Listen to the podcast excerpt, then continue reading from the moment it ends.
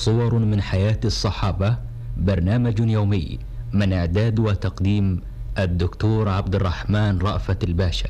من هذا الفارس الذي يشق الناس في مكة بسيفه حمية لرسول الله فكان أول من امتشق حساما في الإسلام. من هذا الكمي الذي بعثه الفاروق مددا للمسلمين وعده عليهم بألف فكان خيرا لهم من آلاف. من هذا الفدائي الذي ما عرف تاريخ الفداء فتى أشجع منه شجاعة ولا أجل تضحية ولا أنبل غاية ولا أكثر بركة على الإسلام.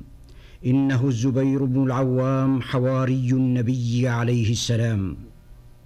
كان الزبير بن العوام في الزؤابة من قريش فنسبه يجتمع مع نسب رسول الله في قصي بن كلاب وكانت أمه صفية بنت عبد المطلب عمة رسول الله وكانت عمته خديجة بنت خويلد أبر وأكرم زوجات رسول الله. ولد الزبير بن العوام قبل البعثة بنحو خمس عشرة سنة إلا إنه ما كاد يبصر النور حتى وجد نفسه يتيما فقد قتل أبوه في ساحات الوغى كما قتل جده من قبل. وتولت أمه صفية بنت عبد المطلب تربيته فنشأته على الخشونة والبأس وكانت امرأة حازمة صارمة فكانت تقذف به في كل مخافة وتقحمه في كل خطر فإذا أحجم أو تردد أو قصر ضربته ضربا مبرحا موجعا. حتى إن عمه نوفل بن خويلد كان يعاتبها على قسوتها عليه ويقول ما هكذا يضرب الولد؟ إنك لتضربينه ضرب مبغضة فكانت ترتجز قائلة من قال قد أبغضته فقد كذب وإنما أضربه لكي يلب ويهزم الجيش ويأتي بالسلب. ولما أشرقت جزيرة العرب بنور الإسلام كان الزبير بن العوام من السابقين الأولين إلى اعتناقه فقد أسلم في اليوم الثاني من الإسلام الصديق رضي الله عنه وكان يومئذ في الخامسة عشرة من عمره. وقد لقي الفتى الباسل من أذى قريش ما تتضعضع له عزمات أشد الرجال فلم يهن ولم يضعف.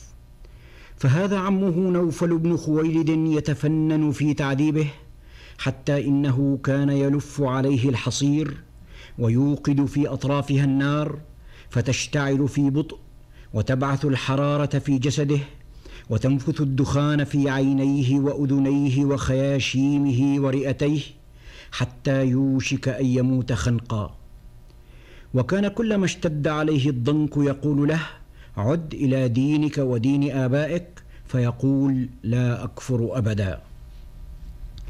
ولما هاجر المسلمون الأولون إلى الحبشة كان الزبير في طليعة المهاجرين فلقي هو وإخوانه في كنف مليكها الصالح الأمن على عقيدتهم والطمأنينة على دينهم وطفقوا يعبدون الله لا يخافون أحدا. وفيما هم كذلك إذ خرج على النجاشي رجل من قومه ينازعه في ملكه فاجتاز النجاشي إليه النيل ليلقاه ومن معه. قالت أم سلمة وكانت معهم. فوالله ما أعلم أننا حزنا حزنا قط. أشد مما أصابنا ذلك اليوم. تخوفا من أن يظهر ذلك الرجل على النجاشي. ويسلمنا إلى قومنا الذين كانوا يجدون في طلبنا. فقال أصحاب رسول الله صلى الله عليه وسلم من رجل يجتاز النيل ويأتينا بخبر القوم؟ فقال الزبير بن العوام أنا وكان من أحدث القوم سنا. قالت أم سلمة فنفخوا له قربه فجعلها في صدره ثم مضى يسبح بين الأمواج والحيتان حتى قطع النيل من شاطئه إلى شاطئه وبلغ أرض المعركة. ثم أتبعت تقول وفيما كنا مجتمعين مترقبين ندعو الله للنجاشي بالظهور على عدوه إذ طلع علينا الزبير وهو يلوح بثوبه من بعيد ويقول ألا أبشروا فقد ظفر النجاشي وأهلك الله عدوه. قالت فوالله ما علمتنا فرحنا فرحة قط مثلها.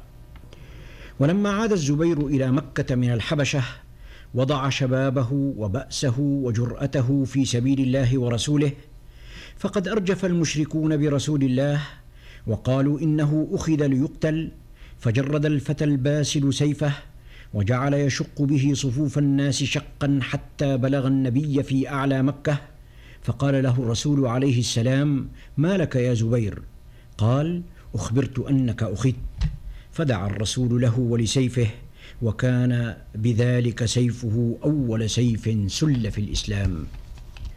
ولما أذن الله لنبيه بالهجرة إلى المدينة جعل المسلمون يخرجون جماعات جماعات ليشد بعضهم أزر بعض وحرصوا على أن يخرجوا سرا حتى لا تتصدى لهم قريش إلا ثلاثة من صناديد المسلمين خرجوا فرادى وخرجوا على ملأ من قريش فكان الواحد منهم يطوف بالكعبة ويؤذن قريشا بخروجه ويتحداهم أن يصدوه أو يلحقوا به.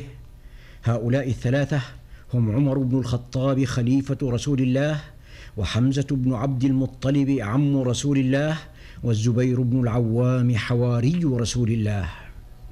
وفي يوم بدر لم يكن مع المسلمين غير فرسين وكانت إحداهما للزبير بن العوام فامتطى صهوة فرسه ولاث على رأسه عمامة صفراء ولما أمد الله نبيه بالملائكة فإذا عليهم عمائم صفر فقال النبي عليه السلام إن الملائكة نزلت على سيم الزبير.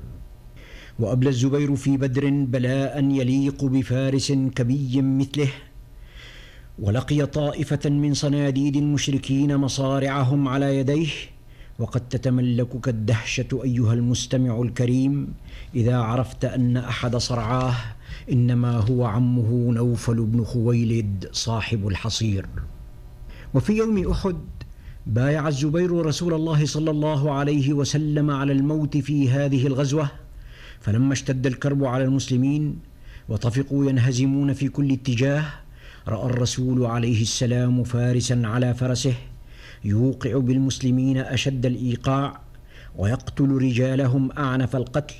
فالتفت إلى الزبير وقال إليه يا زبير فما كادت كلمة الرسول تلامس سمعه حتى هب كالاسد عاديا. وصعد مكانا فوق الفارس ووثب عليه وهو على جواده واعتنقه وهوى به إلى الأرض وجعلا يتدحرجان معا حتى علا فوق صدره وقتله. عند ذلك فداه الرسول بأمه وأبيه. وفي يوم حنين اوشك المشركون أن يحيطوا برسول الله فما زال يطاعنهم حتى أزالهم عن أماكنهم فشكى المشركون لأحد قادتهم من فارس يضع رمحه على عاتقه ويعصب رأسه بملاءة حمراء واستعانوه عليه وسألوه عنه فقال هذا الزبير بن العوام. وأحلف باللات والعزى ليقتحمن جموعكم وليخالطن صفوفكم فاثبتوا له. فلم يكذب الزبير ظنه إذ ما لبس أن قصد قصد المشركين وطفق يطاعنهم حتى خالط صفوفهم وأزاحهم عنها. ظل سيف الزبير بن العوام مسلولا طوال حياة رسول الله صلوات الله عليه فلم يتخلف عن غزوة غزاها النبي قط وقد تحمل في سبيل ذلك ما شاء الله أن يتحمل حتى إنه لم يبق عضو من أعضائه الظاهرة أو المستورة إلا وقد جرح مع رسول الله صلى الله عليه وسلم. ولو رحنا نستقصي صور البطولة بطولة زبير بن العوام بعد وفاة النبي عليه السلام لوجدناها لا تقل تألقا وفذاذة عما كانت عليه في عهد الرسول الكريم. وحسبنا من هذه الصور المشرقة الوضاءة ما كان منه يوم فتح مصر. لقد قصد عمرو بن العاص مصر لفتحها في ثلاثة آلاف وخمسمائة رجل من جنود المسلمين فما إن أوغل في أرض الكنانة حتى شعر بحاجته إلى المدد فكتب إلى الفاروق يستمده بما يفيض عن حاجته من الجند فتلفت الفاروق حوله فلم يجد خيرا من الزبير بن العوام يبعث به مددا لجيش المسلمين في مصر وكان الزبير يومئذ قد عزم على غزو أنطاكية فقال له عمر يا أبا عبد الله هل لك في ولاية مصر؟ فقال لا حاجة لي فيها ولكن أخرج مجاهدا لله معاونا للمسلمين فإن وجدت عمرا قد فتحها لم أعرض لعمله وقصدت إلى بعض السواحل فرابطت فيه وإن وجدته في جهاد كنت معه. فجهز الفاروق أربعة آلاف من جند المسلمين وجعل عليهم الزبير بن العوام والمقداد بن الأسود وعبادة بن الصامت ومسلمة بن مخلد وكتب إلى عمرو بن العاص يقول إني أمددتك بأربعة آلاف رجل على كل ألف منهم رجل في مقام ألف. ولما قدم الزبير على عمرو وجده يحاصر حصن بابليون في الفسطاط فركب جواده وطاف حول أسوار الحصن ثم حدد لرجاله أماكنهم. وطال حصار حصن بابليون وجعل الناس يقولون إن في الحصن طاعونا فقال الزبير إنما جئنا للطعن والطاعون. ولما أبطأ الفتح وكاد الملل والسآمة ينالان من المسلمين قال الزبير إني أهب نفسي لله وأرجو أن يفتح الله بها على المسلمين.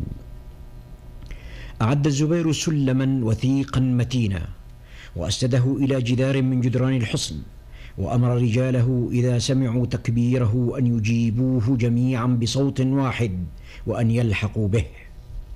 وما هو إلا قليل حتى امتشق الزبير بن العوام سيفه وصعد درجات السلم في طرفة عين وتسور جدار الحصن وهتف الله أكبر فرددتها جموع المسلمين وراءه وارتجت بها أرجاء الحصن وجعل الكماة الشجعان فرسان محمد يتواثبون فوق السلم ويتزاحمون عليه حتى نهاهم عمرو عن ذلك خوفا من أن ينكسر بهم ويتساقطوا عنه.